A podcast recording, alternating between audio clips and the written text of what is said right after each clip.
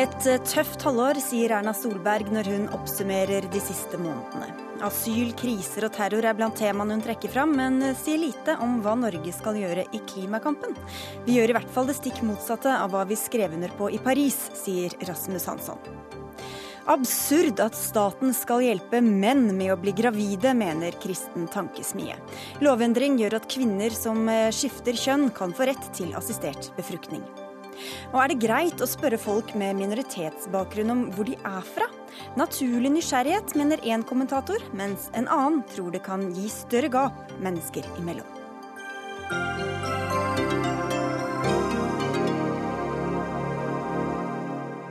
Dette er Dagsnytt 18 på NRK P2 og NRK2 med Sigrid Solund i studio, hvor vi også tar debatten er den siste Star Wars-filmen bra eller dårlig. Et utfordrende og tøft halvår med nok av punkter på skrytelista likevel. Det er en så kort oppsummering av den halvårlige oppsummerende pressekonferansen i dag. Klarte statsminister Erna Solberg? Ja, jeg mener at regjeringen har fått gjort veldig mye dette halvåret. Og eh, vi begynner å se resultater av regjeringens politikk på mange områder. Og så er det jo sånn at eh, det er et halvt år, halvår hvor eh, asylspørsmålene har stått veldig dominerende. Men det er klart også eh, oljeprisfallet, ledigheten men det er viktig for meg å vise at eh, vi, er, vi, jobber liksom på bredt felt med alle de andre sakene som vi også lovde før valget i 2013. Men for å ta tak i det du nevnte nå, som du også snakket eh, mye om, nemlig asyl- og flyktningsituasjonen. Nå har jo tilstrømmingen til Norge avtatt litt, men eh, fortsatt er det venta mange til neste år. Kanskje 100 000 ifølge UDI. Hvor god kontroll vil du si dere har på situasjonen nå? Akkurat nå har vi ganske god kontroll. Eh, de tiltakene vi igangsatte og jobbet iherdig med i høst, særlig for å få kontroll på det som er Schengen-yttergrensen på Storskog, det har jo virket på kort sikt. Så vet vi jo ikke om det virker på lang sikt, for disse bølgene av asylsøkere de går fort opp og ned. Eh, men vi har jobbet intenst med en kombinasjon av ulike tiltak. Det ene er jo de tiltakene vi har gjort gjennom det diplomatiske arbeidet fra UD sin side overfor Russland. Så har vi jo fått hurtigbehandlet eh, lovregler som gjør at vi raskere kan avvise folk som har opphold i Russland når de kommer til Norge for å søke asyl. Og så har vi eh, i tillegg jobbet ganske mye på informasjonskampanjer målrettet mot en del av de som kommer som ikke har behov for beskyttelse, og de landområdene. For det har vært mye, mis, altså har vært mye misoppfatninger om eh, at det nå er mulig å komme til Norge og få søke asyl, at det er enkelt å få asyl, eller og som en smitteeffekt av alt det som har skjedd i forhold til Europa. Men før det så har vi måttet ta ganske mange dyre og hastverksprega tiltak for å få huset alle disse asylsøkerne. Hvorfor klarte dere ikke å forutse og planlegge bedre for et halvt år siden hva som kom til å skje? For et halvt år siden var det ingen som trodde at dette kom til å skje. Ingen hadde klart å planlegge dette på en bedre måte. For et halvt år siden diskuterte Norge Eh, å ta imot flere flyktninger fordi vi skulle være solidariske med de landene i Europa som tok flere asylsøkere. Nei, altså på det tidspunktet så gikk fortsatt ankomsten av asylsøkere ned i Norge. Den ble svakt stigende fra, fra sommeren av, og så ble den veldig stigende på slutten slutten av august og videre. Og det er ingen på det tidspunktet, jeg tror ikke det er spurt noen, som hadde trodd at vi skulle ende opp med over 30 000 asylsøkere i Norge til jul. Det som skjedde, var jo at man har, jo, man har et system for beredskap på å flytte opp flere, men ikke på så stort som det det ble denne gangen. Og jeg må si at jeg syns at man har, har, agert raskt. Man har fått på plass nye modeller og metoder for å jobbe. Man har rekruttert nye folk raskt. Man har fått på plass systemer for å håndtere dette. Jeg syns utlendingsmyndighetene i Norge fortjener ros for den innsatsen og det arbeidet de har gjort på å håndtere en krise som vi i Norge faktisk har håndtert betydelig bedre enn mange andre land som har fått mange asylsøkere. Samtidig kan det virke som om det er mange som er eh, redde og skeptiske for at landet vårt holder på å endres, at vi verken kan tåle det kulturelt eller økonomisk. Hva vil du si til dem som sitter med sånne følelser? At uh, vi tar på alvor faktisk det. Jeg syns det er riktig å, å ta, ta, på alvor at folk er, er usikre når, når, tilstrømmingstallene kan være så store. Vi regner ikke med at det kommer 100 000 neste år. Budsjettet er lagt opp på at det kommer omtrent like mange som i år. Eh, men det var på et tidspunkt planlagt for at hvis det skulle komme, så må vi ha, ha nødplasser for å kunne klare å gi folk hus, eh, tak over hodet. Men det er klart når du får sånne store tall, og så stor som tilstrømningen var for en måned siden, så er det grunn for mange å føle denne usikkerheten. Men det som er viktig å si, Det er nå orden og system på veldig mye av dette. Det er mange nye asylmottak som kommer til å bli opprettet for å bli kvitt noen av de provisoriske løsningene vi har. Eh, og så vil vi returnere enda raskere folk som eh, ikke skal ha opphold her. For det er en viktig del av å stoppe tilstrømningen. Men er du redd for at en del av de følelsene kan gå utover også de som skal få lov til å bli i Norge? At det kan komme mer hat, mer eh, rasisme f.eks.? Ja, samtidig så er min oppfatning at eh, det store flertallet av nordmenn er eh, er opptatt av at vi løser dette på en god måte, og vet at man ikke skal, selv om man kan være usikre på situasjonen, at det ikke skal gå utover enkeltmennesker. Og det er én ting erfaringen har gitt oss opp gjennom årene med mer innvandring, flere asylsøkere til Norge, det er at når du blir kjent med noen, så blir det også mindre engstelse. Og det er viktig å huske jo mer vi blir kjent, jo mer vi har kontakt, jo mer opplever vi at mennesker er de samme på begge sider av, eh, av et bord eller over en kaffekopp. Det har vært mye snakk om, om, debatten, om debatten, om retorikken. Eh, den nye innvandrings- og integreringsministeren Sylvi Listhaug har advart mot det hun kaller et godhetstyranni. Mener du også at det finnes et sånt godhetstyranni i Norge?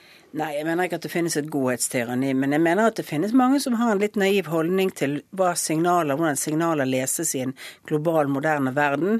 Som har en naiv holdning til at vi skal kunne hjelpe alle i Norge.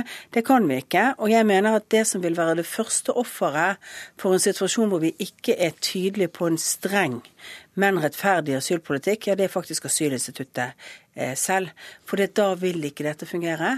Det er også frykten hvis du skulle få 100 000 som kom, eller flere enn det, at asylinstituttet etter hvert vil, vil sprekke opp. Og da vil du heller ikke kunne hjelpe de som har behov for beskyttelse. Men Hvis du ikke er enig i at det finnes et godhetstyranni, hva gjør det med debatten å, kalle det et godhetstyranni? Det er, lov å holde, det er lov å ha spissformuleringer også på høyresiden. Det kan ikke bare være venstresiden i Norge som skal få lov å ha spissformuleringer.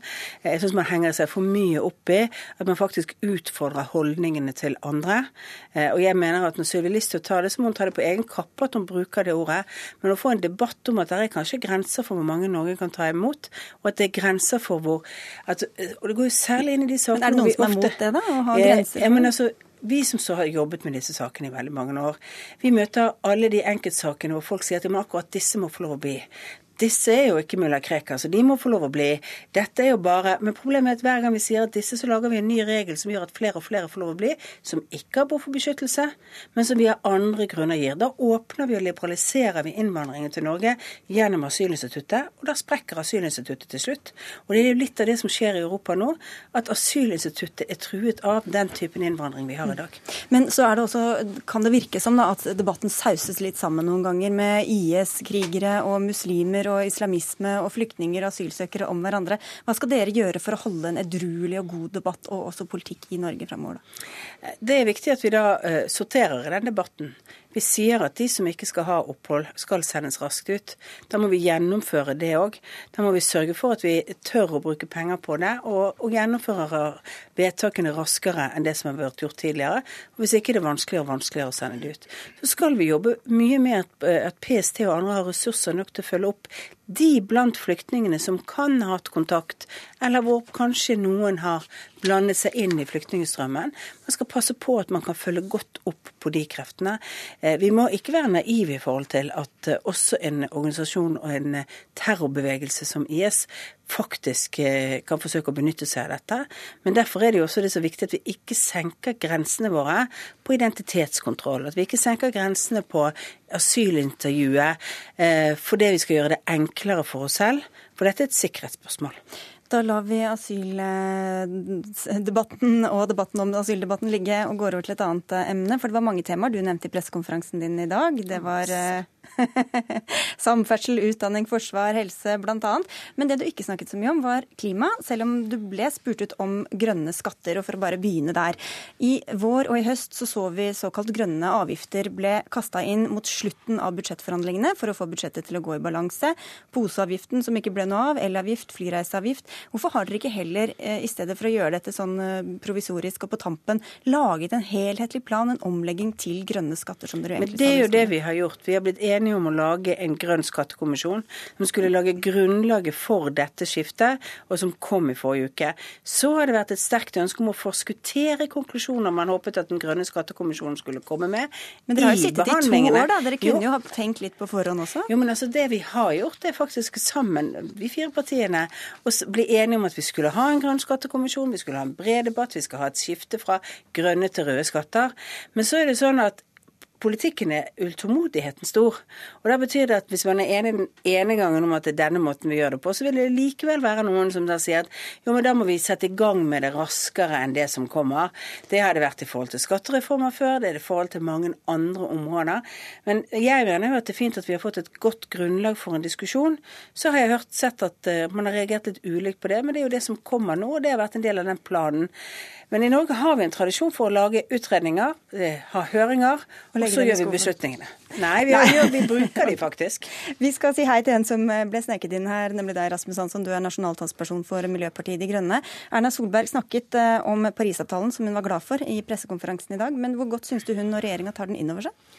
Ja, Foreløpig så eh, har det jo et stykke å gå når det gjelder å ta inn over seg realiteten i den avtalen. fordi det å begynne å snakke om og sette navnet sitt under en ambisjon om 1,5 graders global oppvarming, ikke to, det er rett og slett dramatisk. Eh, det betyr et enormt eh, taktskifte som er nødvendig for å kunne komme i nærheten av et sånt mål. Og det burde uh, regjeringen uh, bekrefte spontant etter at uh, den underskriften er gjort og den enigheten er satt. Miljøpartiet De Grønne har allerede bedt regjeringen komme tilbake og fortelle hva de har tenkt å gjøre som oppfølging av togradersmålet. Men foreløpig har vi jo stort sett hørt at vi skal fortsette som før. Og det er helt feil svar på det man skrev under på i Paris. Vi la jo frem våre nasjonale mål eh, i tilknytning til Paris-konferansen. De ble vedtatt i Stortinget i vår. Vi skal ha et 40% kutt i samarbeid med EU og gjennom et samarbeid der, hvor vi skal ha en avtale i løpet av dette året, forhåpentligvis, på å få til den avtalen også på den delen som ikke i dag er en del av kvoteområdet. Da vi behandlet den, så var vi også enige om at når vi var ferdig med avtalen med EU, så skulle vi legge frem den planen som skal gjøre på alle områder. Hvordan, for der vi, vet vi hvordan gjennomføringen og hvor store målsetninger vi er nødt til å ta, og hvor stor del av dette vi skal ta i, i Norge. Det betyr ikke at vi skal vente med å drive med politikk, men den store gjennomgangen skal vi gjøre når vi har, har klart også hvordan EU, avtalen med EU kommer til å bli, og hvilke mekanismer som kommer til å være der. Kan vi ikke legge en plan og så spille inn den til EU, da? Um, vi, vi, må jo gjøre mye på egne områder. og Derfor når vi kommer en energimelding, så kommer den til å dreie seg om hvordan vi skal, eh, skal eh, få inn de målene vi har på både reduksjoner og hvordan klimamiksen skal være, også i forhold til utslippene i fremtiden for den energisektoren i Norge. Når vi legger Nasjonal transportplan frem, så kommer uh, det store området som vi virkelig må gjøre noe til å være i fokus også, nemlig på transportsektoren. På hvilke skifter og hvilke prioriteringer vi skal gjøre i forhold til kollektiv og jernbane jernbane. Så det kommer jo til å være med oss på alle disse sektorområdene. Men vi ble altså enige i fjor vår. Jeg hører mange partier som fikk nedstemt forslagene sine i Stortinget i vår.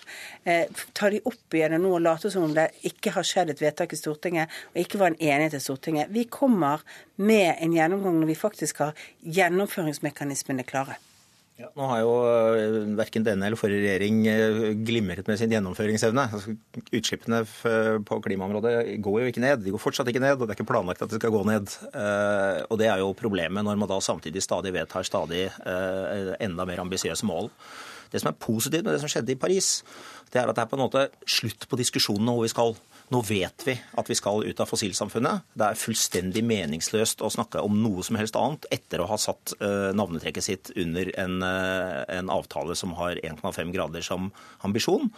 Og den muligheten burde uh, statsministeren og regjeringen nå virkelig bruke til å sette inn alle krefter på å legge til rette for at norsk næringsliv kan begynne å levere på det de har lyst til å levere på. Det er det positive, nemlig en grønn utvikling. Men da kan vi ikke ha en regjering som fortsetter å si at det vi egentlig har tenkt å fortsette med, det er å produsere olje.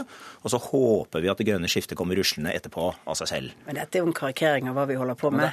Altså, vi, altså, fra, fra vi startet i regjering, så har vi økt alle de ordningene som dreier seg om omstilling og nyskaping, også ikke minst på klimaområdet, nettopp for at norske bedrifter skal få muligheten til å investere fremover i klimateknologi.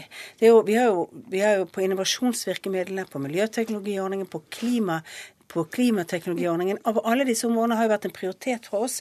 Nettopp fordi vi har sagt at den omstillingen vi skal gjennom, og som vi faktisk gikk til valg på at vi var nødt til å starte på for å ha konkurransekraft for fremtiden, den, den skal altså dreie seg om at vi skal ha grønne arbeidsplasser. Og jeg må si at Vi har lagt til rette for alle disse tingene, og det jobbes mye. Det er derfor også Hydro nå kan snakke om å investere milliardbeløp i mindre utslipp fra sine produksjoner, fordi det er penger nok til at vi kan bidra med statlig finansiering til det. Små og store bedrifter gjør mer på disse ordningene, og vi får nye teknologier frem. Og i samarbeid med KrF og Venstre så har vi gjort enda flere grep for å skape markeder, f.eks. For, for eh, bioenergi, for biodrivstoff, områder som den forrige regjeringen jo okay, stoppet brått opp. Det han nevnte var jo også da fossil energi, altså gass og olje. Og du sa på spørsmålet på pressekonferansen i dag at det kan godt hende at, eh, at dette blir mindre verdt eh, etter hvert, men at det er en sak for de som skal investere og ikke for politikerne. Men Norge bruker jo mye penger også og, eh, og ressurser på å stimulere til oljeleting, så hvorfor skal ikke dere bry dere om lønnsomheten i de investeringene? Vi bryr oss om lønnsomheten i de enkelte investeringene, men det er den langsiktige prisen kommer sikkert til å bli påvirket av, av hvis vi får til den omsnuingen til et mer fornybarsamfunn i alle deler av verden. Men på kort sikt, og på ganske mange tider fremover, så vil f.eks. gass være en del av løsningene i Europa. Og vi kommer til å fortsette å produsere gass, og vi kommer til å lete etter mer gass.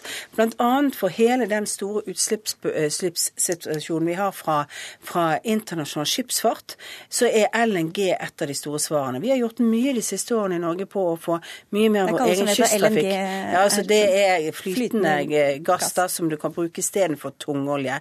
Det gir mindre lokale utslipp, og det gir mindre CO2-utslipp. Og det er gjort masse i Norge på, på, på det, med, og vi har legget til leder, ledelse fra norsk skipsfart for å få det. Nå rulles det også mer og mer ut i Europa. Men det vil jo være et behov for det drivstoffet. For det er jo det drivstoffet som skal, skal i første omgang erstatte større utslipp fra andre drivstofformer. Og det er markedet da som skal løse opp her? Det er markedet tydeligvis, og ikke politikken i en situasjon hvor man har skrevet under på at man har en politisk forpliktelse til å gjøre ekstremt mye mer, nemlig å nå et 1,5-gradersmål. Og hva er det som har skjedd i går og i dag? Jo, det er at uh, regjeringen har på den ene siden gitt uh, nye forsikringer om at uh, svaret på fremtidens klimaproblem er norsk olje og gass. Samtidig så har det, det, som skulle være det store fornybare lokomotivet i Norge, nemlig Statkraft, måttet legge ned sin satsing på uh, offshore vindkraft i uh, Storbritannia. Det er, de, det er, den aller, aller største satsingen som vi skulle ha på ny fornybar energi. Det er en av de veldig få sektorene hvor vi virkelig har mulighet til å utvikle noe som kan bli stort for norsk næringsliv. Mange arbeidsplasser, mye inntjening, stor energiproduksjon. Det legger regjeringen ned ved å trekke tilbake 5 milliarder kroner som de hadde lovet bort til, til Statkraft, sånn at Statkraft ikke tør å gjøre den satsingen. Dette er det stikk motsatte av det grønne skiftet. Dette er mer olje, ikke fornybar. Og det er akkurat der regjeringen må skifte kurs. Dere må flytte innsatsen fra å heie Statoil fram til uh, iskanten og inn i Lofoten og Vesterålen. Og så må dere heller heie Statkraft fram til å bli en av de store leverandørene. Og norsk leverandørindustri, en av de store bidragsyterne, til havvind, som blir en stor ny sektor. Spørsmålet er vil du ha med Norge eller ikke? Eh, jeg mener at det er potensial i havvind, og det skal vi fortsette å jobbe med. På kanskje litt andre områder enn akkurat det Statkraft har jobbet med, men det er Statkraft som må gjøre sine lønnsomhetsvurderinger. Stortinget har valgt å ta inn litt av det utbyttet, bl.a. fordi de har eh, Og da snevre inn handlingsrommet deres, da? Ja, eh, men det er jo sånn at det er veldig mange som ber om penger som får subsidier for øyeblikket. Jeg trenger arbeidsplasser i Norge, og jeg trenger arbeidsplasser i fremtiden som kan betale for velferden vår. Det er faktisk noe av det viktigste. Og da er ikke Statkraft en del av den løsningen? Jo, men ikke nødvendigvis de løsningene de holder på med nå, som kommer til å betale for vår velferd i fremtiden. Men jeg har lyst til å arrestere på en ting. Vi sier at det er bare markedet skal gjøre det. Nei, politikerne skal gjøre mye.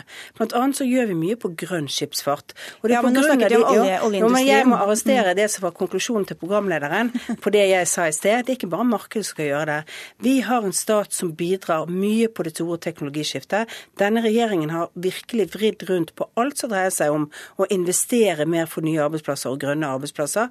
Men det er ikke sånn at vi skal finne opp hva de nødvendigvis valgene vi skal gjøre. For det det må de som investerer sine egne penger, og den beste teknologien vinne. Men det er jo ikke sånn at vi er passive i forhold til dette. Vi er meget aktive i å tilrettelegge for at det markedet faktisk fungerer på miljøet og klimaets Men da må ikke regjeringen inndra fem milliarder i investeringskapital fra det aller største selskapet som vil gjøre den aller største satsingen på en av de aller største teknologiutviklingsmulighetene. Det blir det ikke grønt skift og grønne arbeidsplasser av. Vi får, får avslutte der, fordi vi er jo allerede gått over tida, og si tusen takk og satse, kaste inn et god jul til dere begge to, også Erna Solberg og Rasmus Hansson. Dagsnytt 18 alle hverdager klokka 18. På NRK P2 og NRK2.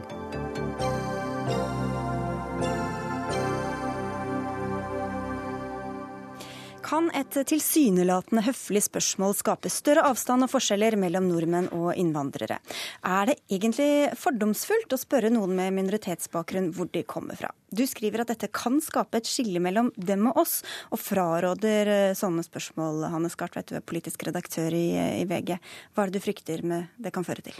Nei, jeg har jo snakket med flere norske ungdommer som har foreldre eller besteforeldre langt herfra, og som derfor har en annen utfarge enn nordmenn flest, og som opplever at eh, hvis de blir spurt hvor kommer du fra, så sier de kanskje jeg kommer fra Stovner. Så spør de men hvor kommer du egentlig fra? Og dette er norske barn, født i Norge, oppvokst i Norge, som føler at da blir de ikke sett på som ordentlig norske. At det i seg selv skaper et utenforskap for dem. Mm. Så hva kan da bli resultatet hvis dette er eh, måten man møtes på, tror du? Nei, jeg tenker at Hvis vi skal klare det nye Norge, som er mangfoldig med folk som har forfedre mange steder i verden, så må vi se på hverandre som landsmenn, som medborgere. Vi må si på en måte Norge for nordmenn, meaning alle nordmenn som er her, uansett hudfarge, uansett eh, hvor forfedrene deres er fra. For Hvis ikke så klarer vi ikke dette prosjektet vi står midt oppi. Inger Merete Hobbelstad, du er kommentator i eh, Dagbladet. og Du fulgte opp dette innlegget i din egen eh, avis, og mener at det blir feil å ikke kunne spørre hvor noen er fra.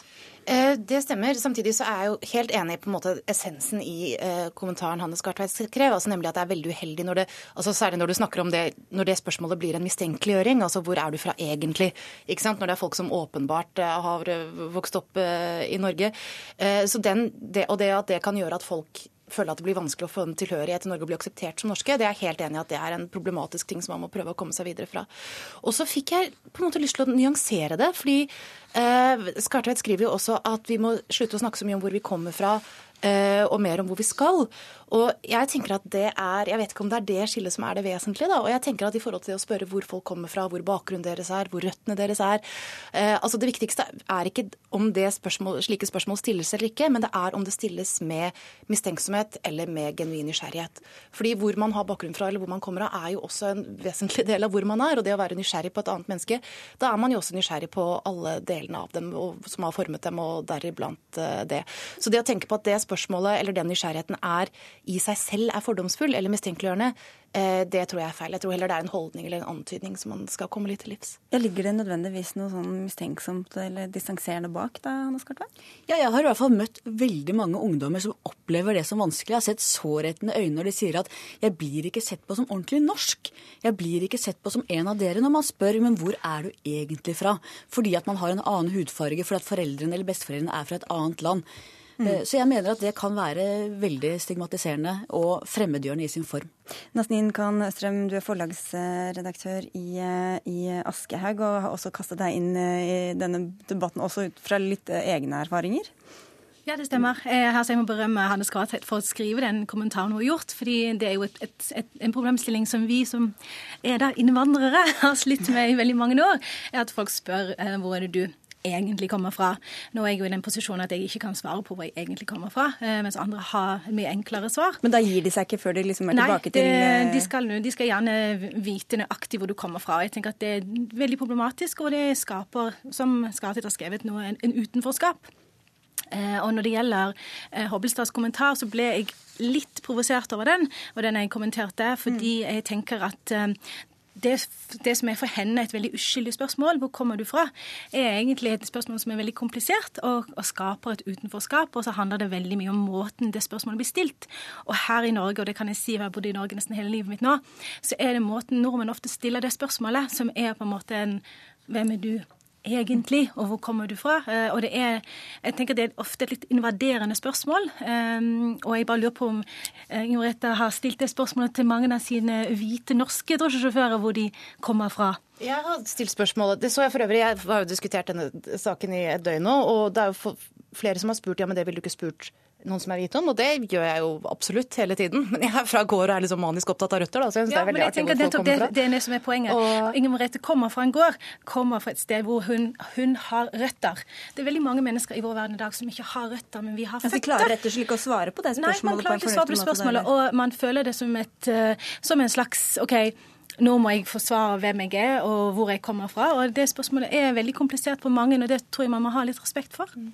Men det, altså, Jeg skjønner jo ekstremt godt at det er utrolig mange kjipe måter å stille det spørsmålet på, og få det spørsmålet på, og at det kan være ekstremt ubehagelig når du får det stilt nettopp på at det er som om man ikke aksepterer at man har skatt, at man skal liksom bakenfor det og mm. til noe annet som man oppfatter som egentlig. Selvfølgelig eh, er det det. Men så er det noe i meg som tenker at man skal ikke Eh, altså Man skal ikke lukke igjen det rommet heller. Altså Det å snakke om bakgrunn, det å snakke om erfaringer man har som er ulike. Eh, og kanskje særlig nå altså Du kan si at når folk som deg åpenbart har tilbrakt hele livet i Norge, så er jo det hvor du kommer fra. altså Da vil man jo kanskje heller, hvis man kommer til det temaet, stille spørsmålet hvor man har eventuelt familie eller røtter eller, eller sånne ting. Men ta bare en situasjon, og nå er vi i en situasjon hvor det er veldig mange flyktninger ikke sant, som kommer eh, til Norge. Og som for dem så vil jo ikke, de vil jo ikke ha en fortrolighet med det norske på mange år ennå, men de har jo tilbrakt store deler av livet i, på et sted hvor de har en fortrolighet med byene, eh, med landskapet, med stedene der de kommer fra. Og, da er det jo, og det at man liksom ikke skal kunne gå inn i det rommet og bruke det til å bli kjent med folk, det å høre om hvor de har, der du har erfaringer, der du har kunnskap som ikke jeg har, som sier noe om hvem du er, som sier noe om verden. Men det altså, handler jo ikke om, det handler virkelig ikke om å si at man skal lukke et rom. Det handler om hvordan man skal gå inn i det rommet. Mm. Og der har man, nordmenn veldig mye å lære. Ja. Det har noe med tilnærmingen til det rommet. Og det er det mm. jeg syns blir veldig Du, du, du filosoferer på et veldig sånn, en litt sånn eksistensiell måte um, om dette, hvor du kommer fra. Jeg, liker, jeg er dødsnysgjerrig på hvor folk kommer fra. Mm. En gang jeg hører dialekten, tenker jeg å, gøy, dette må jeg vite mer om. Men jeg, nettopp fordi jeg har vært, vært uh, offer for en del sånne invaderende spørsmål, så er jeg veldig forsiktig med å tilnærme meg personer om hvor de kommer men, fra. Men, men det kan jo vel like gjerne være at de tenker sånn Jeg har en onkel som snakker litt sånn som deg, kan det hende at du kjenner ham? Uh, så hvor er du fra betyr bare Nå skal ikke jeg prøve meg med sånn dialektlærer. men det er, altså, hvis jeg svarer, hvis, jeg, altså, hvis noen spør hvor jeg kommer fra, så kan vi nettopp ha den samtalen her ute i sted. Og da er det sånn Ja, jeg kommer fra Flekkefjord, så, så stopper vanligvis ikke samtalen der. ikke sant? Det er liksom Ja, men hud, altså, hudfarge har også veldig, veldig mye å si her. Men, men det er jo mange som er redde allerede for å trå feil og si, bruke gale ord og alle mulige sånn Hanne, eh, ting, Hanne Skartveit. Kan det være at vi liksom legger enda en ting i den litt sånn engstelige balja med, med det her? Nei, det tror jeg ikke. For meg er dette en veldig enkel sak. Altså At en hvit journalist i Dagbladet syns at det ikke er så farlig, det gjør mindre inntrykk på meg enn alle de ungdommene som har mørk hud, og som sier at de opplever det problematisk, som er altså barn med foreldre eller, for, eller besteforeldre langt herfra, som nettopp opplever at de blir ikke sett på som ordentlig norske. Jeg mener at dette må påkalle en følsomhet hos oss, og en tilbakeholdenhet i forhold til å se, se norske ungdommer som norske ungdommer, og la det bli med det. Med mindre de inviterer til noe annet. Altså, dette jo, kan jo ingen være uenig i, det er jo selvfølgelig eh, ikke jeg heller. Og så er, er, det noe med at altså Problemet i dag er på en måte at vi ikke snakker at vi det er jo ikke at vi snakker for mye med hverandre, det er at vi snakker for mye om hverandre. Jeg er jo veldig for at man skal kunne ha, prøve å ha så avslappede, åpne samtaler som mulig om så mange sider av oss selv som mulig. Og det å være, jeg tenker at det å være åpen og nysgjerrig overfor andre mennesker, det, det krever at man Altså, det innebærer at man er nysgjerrig på alle deres sider. Og nå har jeg også oppdaget nå, ettersom jeg har vært i denne debatten om dette det siste døgnet da, Det er, det er også... første gang som gjelder her nå, bare så du er klar over det. ja. Men det er jo at eh, noen sier at altså setter, Når jeg snakker om det å være nysgjerrig på andre mennesker, at noen setter det i hermetegn. At de snakker om den såkalte nysgjerrigheten på andre. Og det er som man på en måte ikke blir trodd på at det jeg faktisk er interessert i, det er hvordan du ser på verden. Det er ikke for å gjøre deg, meg til én ting og deg til Men, noe fremmed. Det blir en veldig sånn, det, det, igjen vil jeg si at det er veldig enkelt for deg å drive og liksom Ja, nå kan vi filosofere rundt dette med hvor, hvor du kommer fra. Det er jo som Hanne Svartid også sier, det er noe med den Idet du stiller det spørsmålet, så er du med på å åpne en dør eh, og, og, og, gi en følelse av utenforskap som jeg tror kanskje ikke du har har opplevd i Norge. Men hvordan skal man mange... gå fram da, uten å såre Nei, jeg tenker at I en sosial setting hvor man, hvor man, er nysgjerrig på folk, så er det jo på en måte som man gjør i enhver setting. Man, man kommer jo ikke bare dus på folk og spør hvor kommer du fra. Uh, man, man, har jo en naturlig tilnærming til personer uh, i en sosial setting. Og så hvis det er interessant å snakke om er opprinnelse og, og, sånne ting. Det er da det naturlig kommer opp. Men jeg, jeg, jeg merker at jeg blir sånn det kan, det kan, sikkert være veldig enkelt hvis man ikke trenger å svare på det spørsmålet på, med så mange lag. Mm. Fordi det er et veldig lagdelt og komplisert spørsmål hvor du virkelig går inn til individets virkelig indre kjerne, hvor de kommer fra. Og fordi folk ofte ikke kan si du, altså jeg, jeg, kan holde på en halvtime og fortelle hvor jeg kommer fra, mm. og det er sikkert veldig mange andre som kan holde på på samme måte. Fordi det er en livshistorie som skal fortelles. Mm. Og det er ideen om at alle kommer fra et sted, er også en ganske sånn reduksjonistisk idé, syns jeg. Men det er, jo ikke så, er Dette er jo ikke så vanskelig. For at, eh, det var en ung jente som sa til meg Hva skal jeg si, Hanne, når de spør hvor jeg kommer fra? Så må jeg si du må jo si hvor du kommer fra. Du kommer fra Stovner. Og så sier hun ja, men da spør de en gang til hvor kommer du egentlig fra. Og da må jo bare greia være, hvis noen sier jeg kommer fra Stovner, så sier du OK, jeg mm. kommer fra Manglerud. Altså, det er noe med ikke å bore videre. for i, i, det å si 'jeg kommer fra Stovner', ligger det ikke en invitasjon til å bli spurt ja, men hvor kommer du egentlig fra. Mm. Det handler egentlig om vanlig folkeskikk. Mm. Ordet 'egentlig' er jo et problem her. Det er jo det som virker som at alle uansett kan være eh, enige om. Men altså, når jeg, jeg, tenker når man stiller det spørsmålet, det er jo ikke for at man skal få et entydig 'jo, det er det'. Det er jo fordi man tenker at det kanskje er en fortelling bak der, eller hvis man stiller spørsmål som er beslektet eh, med det. da. Og den fortellingen jeg hører gjerne på den halvtimen, altså. Men du aksepterer på en måte ikke at veldig mange norske ungdommer opplever dette som invadering? Du vil på en måte ikke akseptere det, den biten? Det var det første jeg sa, tror jeg, da jeg satte meg i dette studio. At jeg, selvfølgelig er dette ubehagelig og frustrerende for de som opplever det spørsmålet stilt på den måten hele tiden. Og det er jo en ting jeg syns vi skal bevege oss videre, som jeg skrev, mm. og som jeg sa nå. Jeg det, det, jeg snakker om er noe litt annet. Men jeg tenker når du snakker med drosjesjåføren, og du sier i kommentaren din at plutselig lærte du veldig mye om tenker jeg, Er du sikker på at den drosjesjåføren egentlig ville bestilt det spørsmålet i, på jobben sin om hvor han kom fra? Altså All den tid han snakket i et kvarter, så tror jeg det. Eh, for det er jo noe med at alle Det er jo spørsmål som er hevet over dette igjen, er jo spørsmål om å prøve å fange opp når folk liker å snakke om ting, og når folk ikke snakker om ting. Og, eh, og, hvor lenge, om man da fortsetter å fortelle, eller om man da avslutter samtalen med en gang. Og når noen fortsetter å fortelle, så virker det som om det er noe de syns er hyggelig å gjøre. Vi har ikke en halvtime. Dere kan inviteres til Ekko eller noe sånt for å ta den bakgrunnshistorien. Og så får vi takke av eh, alle tre for at dere kom til Dagsnytt 18. Inger Merete Hobbelstad, Hanne Skartveit og Nasnin Khan Østrem. Takk skal dere ha. Det er ikke bare Erna Solberg som har hatt pressekonferanse i dag. Også Vladimir Putin kalte inn pressen til sin årlige seanse i residensen i Kreml. 1400 pressefolk fra inn- og utland fulgte det direktesendte møtet mellom mediene og en av verdens viktigste politikere. Der han snakket om både det kalde forholdet til Tyrkia, krigen i Syria og russisk økonomi. Og blant eh, dem som var til stede i Kreml, var du, eh, Morten Jentoft. Du er NRKs eh, Moskva-korrespondent. Det var kanskje mer oppmerksomhet og mer pomp og prakt også med dette enn vår eh, hjemlige pressekonferanse i dag. Hva er dette for en seanse? Ja, bare for å først korrigere deg litt. Det var ikke i Kreml denne pressekonferansen var. Der var den for en del år siden. Nå har man flyttet til det, det internasjonale hotellet i Moskva. Eh, der har man eh, pressekonferansen nå i en kjempesvært eh, konferansesal. Og det er altså der både russisk og internasjonal presse da en gang i året får stille spørsmål direkte til Vladimir Putin. Og det er jo en, en maratonpressekonferanse dette her. I dag holdt Vladimir Putin på i over tre timer timer. Folk teller gjerne hvor lange disse pressekonferansene er. I fjor var den tre og en halv time. Den har en gang, det var vel i 2008, vært oppe i nesten fem timer. Og her blir det stilt spørsmål som du sa, om alt fra den internasjonale situasjonen til uh, situasjonen for en enkelt handikappet gutt mm. ute i provinsen i Russland. Sånn at uh, her får den russiske presidenten kjørt seg på alle områder. Han er vel ikke kjent som den fremste forkjemperen av full ytringsfrihet. Hvordan framstod han overfor kritiske journalister, hvis det var noen som fikk stille kritiske spørsmål? Ja da, altså her ble det stilt eh, spørsmål om alt mulig. Altså.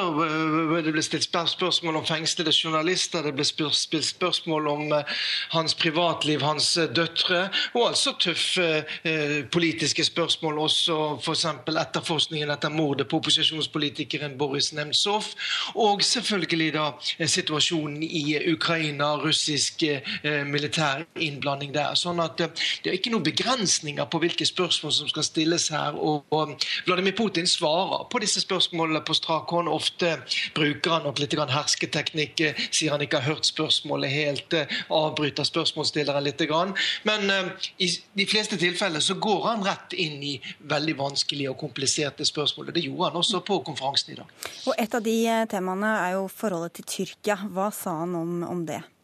Ja, Der eh, er det tydelig at eh, Putin har bestemt seg. Eh, tidligere var jo Tyrkia inntil for en måned siden en av de landene, ikke minst i Nato, som Russland mente at man kunne drive forretninger med.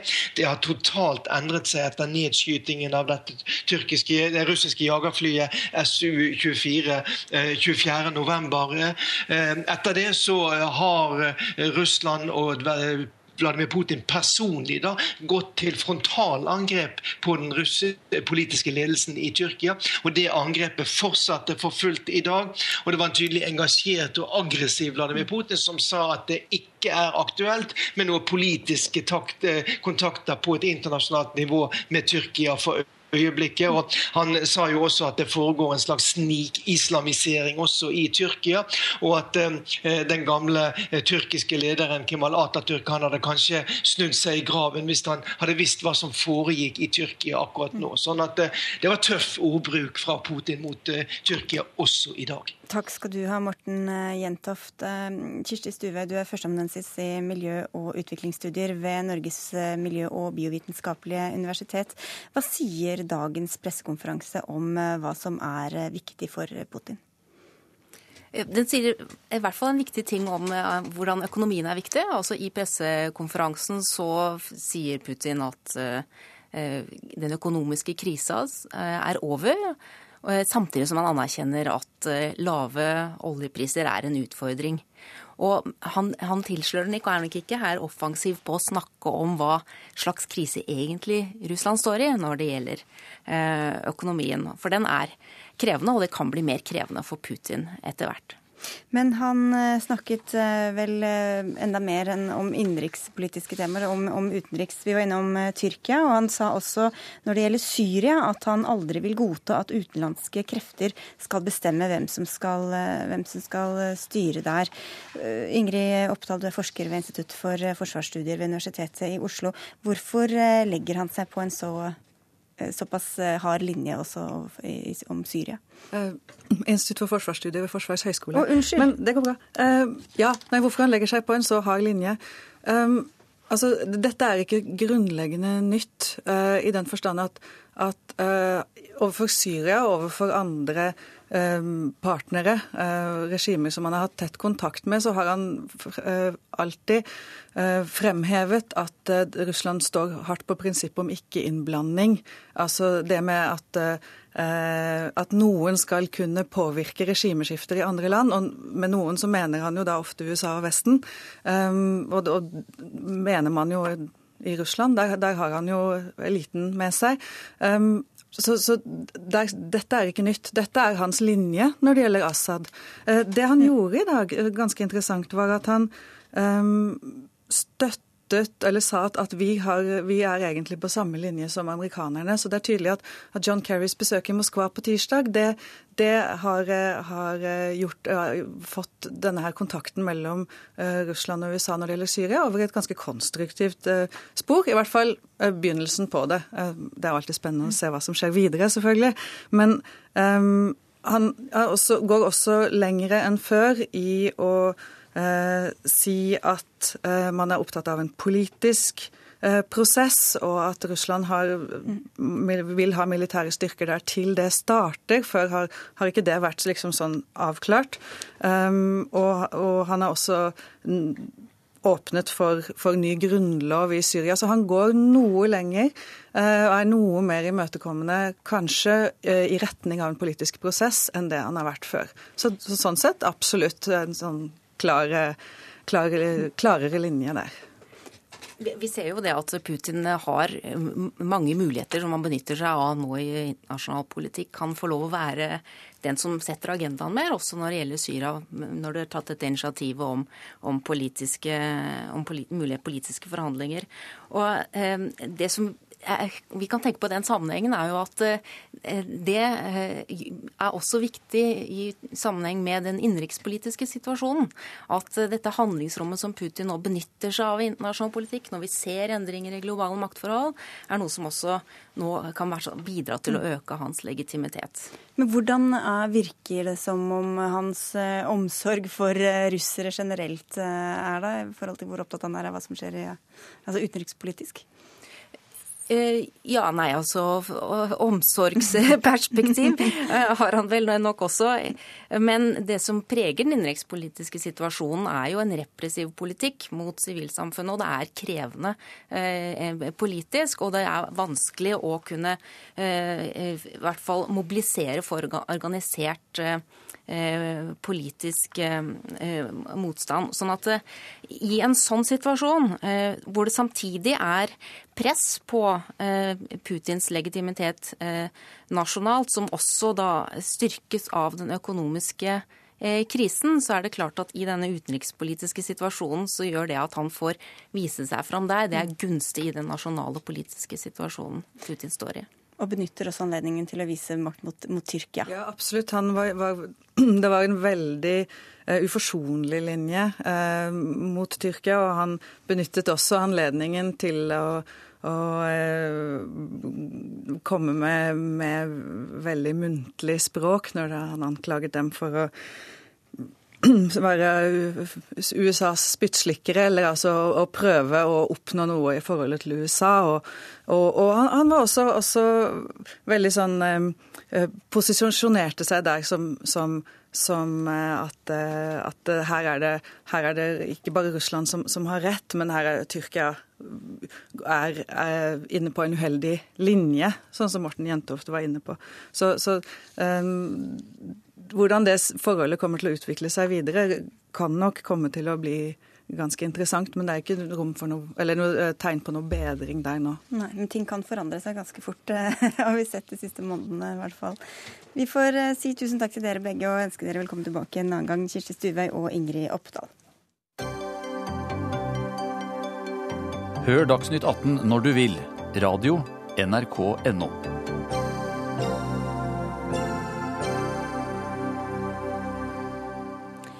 at menn kan få statlig hjelp til å bli gravide er absurd og provoserende, mener den kristne tankesmia Skaperkraft, og skriver det på NRK Ytring. Dersom den nye loven om endring av juridisk kjønn blir eh, vedtatt, kan en kvinne som ønsker å skifte kjønn, beholde eggstokkene, eggstokkene og få rett til assistert eh, befruktning. Og dermed kan en som biologisk sett eh, med indre kjønnsorganer er kvinne, men juridisk sett er mann, bli gravid. Espen Ottosen, du er en av forfatterne her og leder av fagrådet i tankesmia Skaperkraft. Absurd kaller du det, men er det nødvendigvis feil fordi om du syns det er rart? Altså Dette er jo en kompleks eh, debatt og jeg tror for mange som jeg har fortalt at jeg skal i en debatt om gravide menn i dag, så får jeg jo litt sånn eh, varierende reaksjoner på det. Men mitt utgangspunkt er jo at jeg tenker at kjønn eh, handler ikke eh, altså primært om biologi. Jeg er skeptisk til den kjønnsforståelsen som ligger til grunn for det lovforslaget som regjeringen nå kommer med, og som da gjør at man kan være juridisk eh, mann fordi man har fylt ut et skjema, eh, men kroppslig kvinne. Og så syns jeg det blir veldig rart at staten i en sånn situasjon skal være forpliktet til å stille opp med assistert befruktning. Så da må vi beholde gamle, det gamle lovverket hvor du altså skal bli tvangssterilisert hvis du skal skifte kjønn juridisk? Altså Jeg syns dette er komplekst, og jeg har ikke tenkt å si at det gamle lovverket er aldeles strålende. Men det er jo interessant å bare påpeke at at eh, Ingen av regjeringspartiene, så langt jeg vet, har programfestet disse endringene. Eh, slik at det har jo ikke vært en holdning, så langt jeg kjenner til på Stortinget, om at det regelverket vi nå har er helt eh, forferdelig. Men det kan godt hende det bør justeres. Men min holdning er heller ikke at dette handler om tvangssterilisering. Hvis en person syns det er veldig viktig å bli mann, så syns jeg det også er litt underlig at vedkommende ønsker å gå eh, høygravid. Det, ja. det rimer eh, rett og slett ikke.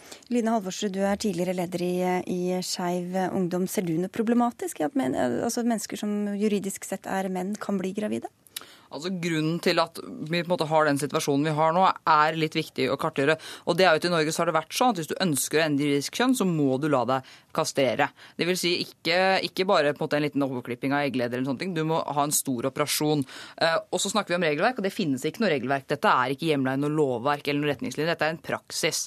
Eh, så det som er resultatet i Norge i dag, det er at folk føler seg pressa. Enten så må de gå rundt med feil kjønn i passet, eller så må de på en måte la seg gjennomgå denne kastreringa. Det føles ut som at det er et umulig valg å ta, og da blir du tvingt. Og det er det man prøver å få kvitt, altså man prøver å kvitte seg med det systemet. Resultatet da blir at du kan få en teoretisk situasjon eh, der på en måte menn, folk som har skifta juridisk kjønn til mann, kan bli Teoretisk gravide. sier du du mener at det er egentlig ingen som gjør det? Jo, det er folk som gjør det, absolutt. Eh, Men på en måte primæroppgaven eller primæroppgaven til denne loven er ikke å ikke sant, muliggjøre det. Primæroppgaven til denne loven er å sørge for at folk ikke blir kastert mot sin egen vilje. Og så er det nå engang sånn da, at folk må ha rett til å bestemme over egen kropp. Og så syns jeg i tillegg at det er positivt at, eh, at eh, Bioteknologinemnda sier at man skal ha rett til assistert befruktning.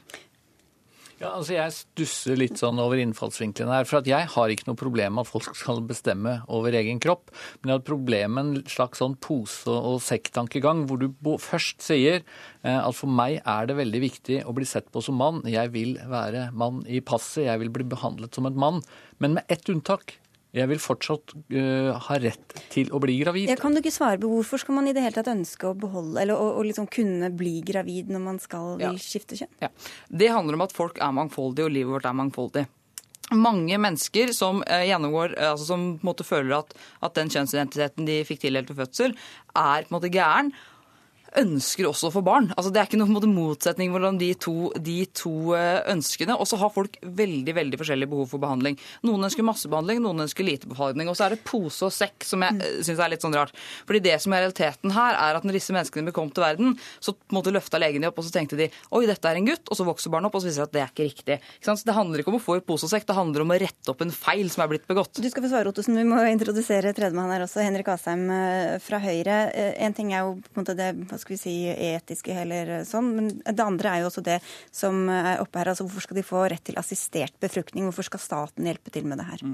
Nei, altså jeg tror at Ottosen trekker frem et dilemma. Jeg tror mange kan tenke at dette kanskje kan til og med høres litt rart ut, men jeg er ikke enig i det. Regjeringen kommer til å anbefale at dette skal eh, tillates. Og det er fordi det vi sier er helt riktig. Vi skal bort fra det gamle regelverket som var at hvis du ønsker å skifte kjønn, så måtte du kastreres eller steriliseres. Det er et overgrep. Eh, Det er noe som vi vil bort ifra. Og jeg tror at både Amnesty og flere andre organisasjoner også har kritisert det regelverket. Så det anbefaler vi å gå bort fra. Da får du et nytt dilemma, og det er at du kan som kvinne skifte kjønn til mann uten å gjøre noen medisinske endringer.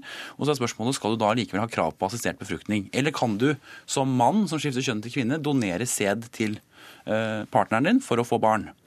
Og da sier vi at når det kommer til stykket, så mener vi at det er galt å skulle da frata dem de samme rettighetene som andre har fordi de har skiftet kjønn. Vi ønsker et regelverk som likebehandler alle ut ifra eh, det kjønnet de har, det kjønnet de opplever at de har, og som de juridisk har. Jeg syns dette høres litt urimelig ut, fordi saken er jo at når mennesker skifter juridisk kjønn, så skal man jo da bli behandlet som sitt juridiske kjønn på alle mulige måter. Og da er det den assisterte befruktningen som kommer inn, tenker du på da? Da er Ja, for bioteknologiloven da, skal plutselig gjøre et unntak. Altså Man skal bli behandlet etter det juridiske kjønnet man er. Men plutselig, når man kommer til biologiteknologiloven, så skal da plutselig andre regler eh, gjøres gjeldende. Og så et lite poeng til. Eh, Jeg forstår at man ønsker å gjøre noe med dagens regelverk. Det er jeg ganske positiv til. Men jeg syns man går altfor langt i den retningen å gjøre kjønn til primært et spørsmål om følelser. For du var jo inne på det, Line Halvorsrud, og sa at eh, det er ulik hva slags behandling personer i denne situasjonen vil ha. Men det regjeringen sier nå, at eh, leger, psykiatere, behandling altså Det skal være helt uinteressant. Fyll bare ut et skjema, og du kan bli mann er jo, eller skifte det, kjønn. Og det å tilby assistert befruktning er jo å gå et skritt lenger også. Altså, altså, enslige kvinner får ikke tilbud om assistert befruktning, men, eh, men folk som har skiftet kjønn juridisk, de skal få tilbud om det. Mm. Men jeg mener at den måten som Ottosen også nå snakker om det på, det mener jeg er egentlig litt provoserende. Fordi det, snakker, det er snakk om her, altså Dette er en lovendring som kommer til å påvirke de aller fleste av oss null. Men for dem det gjelder, så er dette ufattelig viktig. Men hvorfor skal det gjelde, men ikke enslige kvinner, liksom? Ja, fordi Det vi samtidig har, er et regelverk som er ganske tydelig på altså det, det er ikke hvem som helst som kan få eh, assistert befruktning. Du må være i et parforhold osv. Det er ganske mange strenge regler på det. Men det man diskuterer her, det er om man sier at hvis du skifter kjønn juridisk, så skal du da automatisk fratas noen rettigheter som andre har. Og det syns jeg er galt. Dette er den samme argumentasjonen som ble brukt mot ekteskapsloven da den ble utvidet til å gjelde homofile og lesbiske, hvor man da sa at dette blir veldig rart og vanskelig. Faktum er at det er helt frivillig å gifte seg med en av samme kjønn. Eh, Og det er helt frivillig å skifte kjønn. Eh, Ottosen kommer ikke til å trenge å måtte gjøre det, eller gifte seg med en mann. Dette er veldig viktig for de få det gjelder, men det kommer ikke til å ha noen konsekvens for den store majoriteten. Nei, men der hvor det, der hvor det kan skje, da. Altså, du kan få en gravid mann, da, som man har sett i Sverige for noen år siden osv. Ser du noen problemer med det? Er det, er det problematisk i det hele tatt? Altså, det er det som er at jeg tenker at det er viktig å skille mellom hva som er uvant og hva som er problematisk. For ja, altså, At det er uvant for de fleste, det er det ikke noe tvil om. Men betyr det at det er gærent, eller betyr det at det er feil, eller betyr det at det ikke er gode nok foreldre, eller betyr det på en måte alle de tingene der? Eh, og betyr det at man ikke skal ha de samme rettighetene? Jeg syns ikke det. Um, og dessuten så er det også sånn at vi snakker om dette som at det er noe som kan skje i framtiden. Og det er nok også sånn at dette allerede har skjedd eh, i Norge. Ja, Men, men, men Ottosen, eh, hvorfor er det nødvendigvis problematisk for et barn å vokse opp med en far som har eggstokker? Nei, Det høres jo litt underlig ut, og det er jeg enig i at det trenger jo ikke nødvendigvis å være feil. Men jeg tenker at, eh, at det å ha en mor som også er en far, eller motsatt, eh, vil gi et barn eh, visse utfordringer. Men eh, sier som man er ikke det om alt som er uvant, da? eller? Eh, Jeg tror dette er på et litt annet eh, nivå når det gjelder utfordringer. Og vi vet jo også at eh, transpersoner har en del utfordringer. Og jeg tror ikke det bare handler om at samfunnet er vrangt og vrient. Og, det at staten da skal si at vi stiller opp med, barn til dere, det skal vi se på som en rettighet, det syns jeg er vanskelig å akseptere. Ja, for det, det er nå jeg syns at den debatten her begynner å bli veldig ugrei. Når man begynner å, å så litt tvil om er dette gode familier, eller er dette gode nok foreldre, eller har barna egentlig godt av det her. Eh, Jeg prata med en mor eh, som er transkjønna, og som har eh, et barn, rett før sending. Og så spurte jeg hva er den største utfordringa du har. Den største utfordringa hun hadde, det var at folk sådde tvil om hvorvidt hennes familie var god. At hennes barn måtte høre på radio at voksne mennesker satt og diskuterte hvorvidt hennes familie var god nok. Men det er flertall for det, Henrik Asheim. Det kommer til å skje. Det er det. eh, Og det vi gjør nå, er å rydde unna et egentlig veldig diskriminerende regelverk. Eller som Line helt riktig sier, det er ikke regelverk engang. Det er bare et gammelt system som er 60 år gammelt. eh, Som vi nå rydder vekk og sier at også de minste minoritetene skal vernes i dette samfunnet og ha like rettigheter som alle andre. Jeg syns man rett og slett går altfor langt. Jeg skjønner intensjonen, men la meg bare også si det at jeg er oppvokst med en enslig mor. Eh, Jeg har ingen problemer med å si at det er mindre ideelt enn å vokse opp med en far og en mor. Eh, Og det betyr at jeg syns det er problematisk at da staten skal gi f.eks. enslige kvinner rettighet til å bli gravid. Men det handler ikke om at jeg sier at min mor var uegnet som forelder. Og Her har vi to forskjellige familieverdier, hvor du er mest opptatt av hvordan familien ser ut og er hva det består av. Så jeg er mest opptatt av hva den inneholder, og det er omsorg og kjærlighet. Du skjønte at det ikke var mer tid? Ja. Ja, altså Jeg har nå vokst opp med en enslig mor, så jeg er godt fornøyd med det. Du snakker jeg- hele tiden om hva den skal bestå av. Ok, Vi sier tusen takk til alle tre for denne omgang. Espen Ottosen, Line Halvorsrud og Henrik Asheim.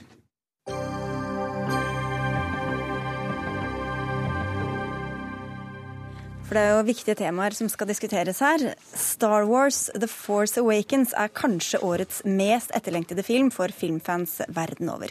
Men innfrir den forventningene? Ja, sier VG, som triller terningkast fem. Nei, sier Dagbladet, som gir terningkast tre. Det er noen som har litt redde for at vi skal avsløre handlingen her, Jon Selås. Du er filmanmelder i VG. Vi får slutt, la være å gjøre det, da. Ja, det er det minste vi kan gjøre, tror jeg. Iallfall i minst mulig grad. Men du er altså, du gir god karakter. Det har vært store forventninger. Er den alt du hadde håpet på?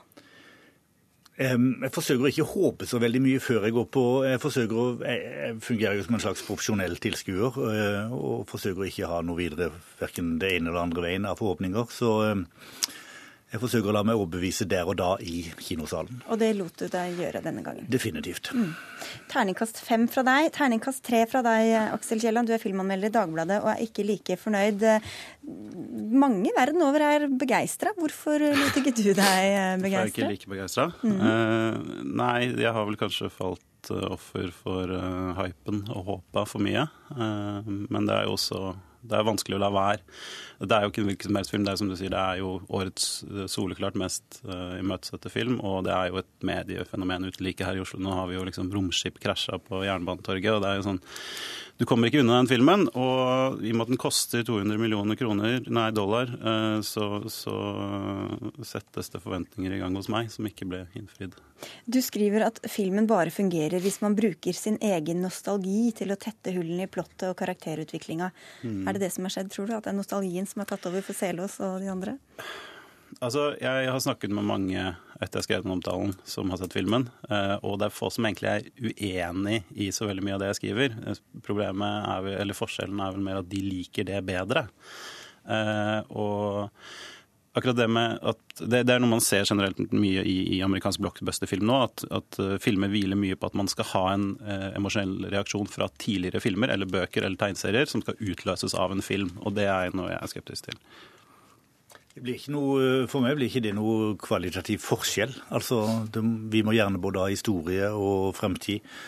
Det er den filmen som jeg ser der og da som er interessant for meg. Men eh, hele Star Wars-fenomenet er jo utrolig interessant fordi at det nærmer seg jo et slags sted det nærmer seg en kommer religion på film. Um, hadde en ung kollega i dag morges som kom bevrende til meg og sa at han hadde ikke landa ennå. Han så den i går kveld. Han skulle se den to ganger til i løpet av denne uka osv. osv. Det er 140 000 nordmenn som går og ser den.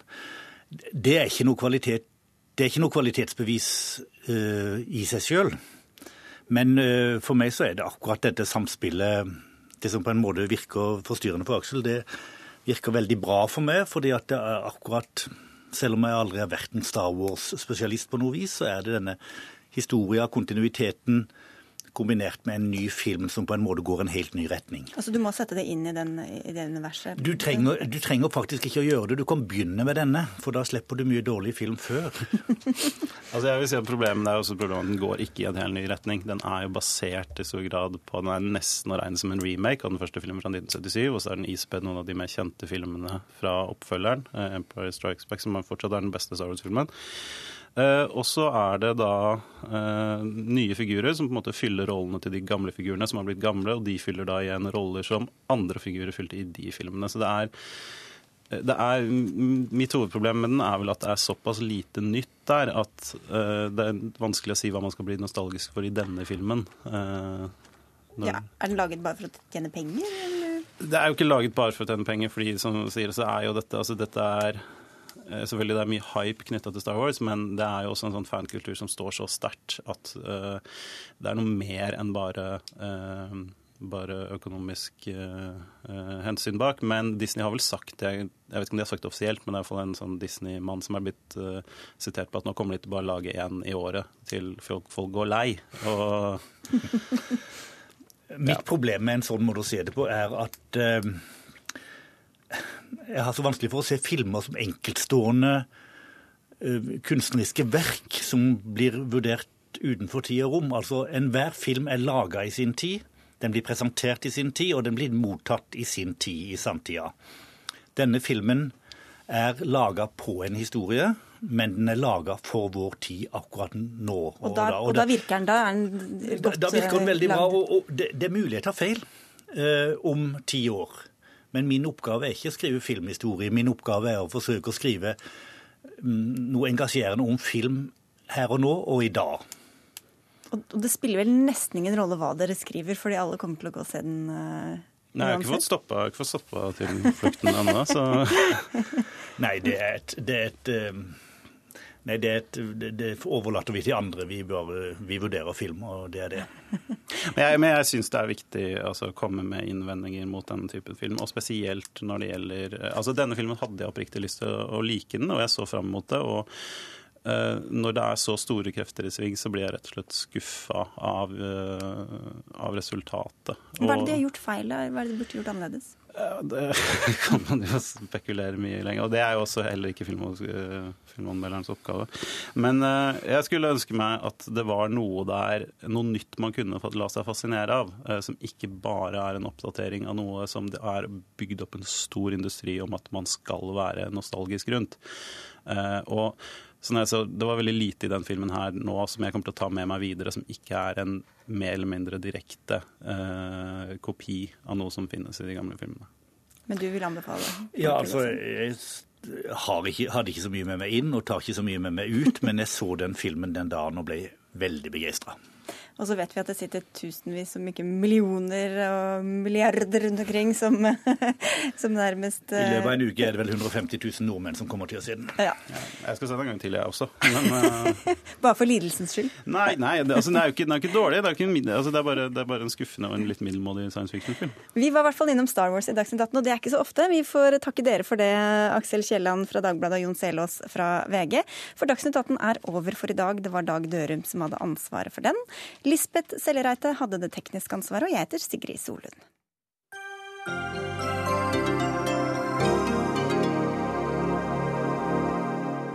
Hør flere podkaster på nrk.no podkast.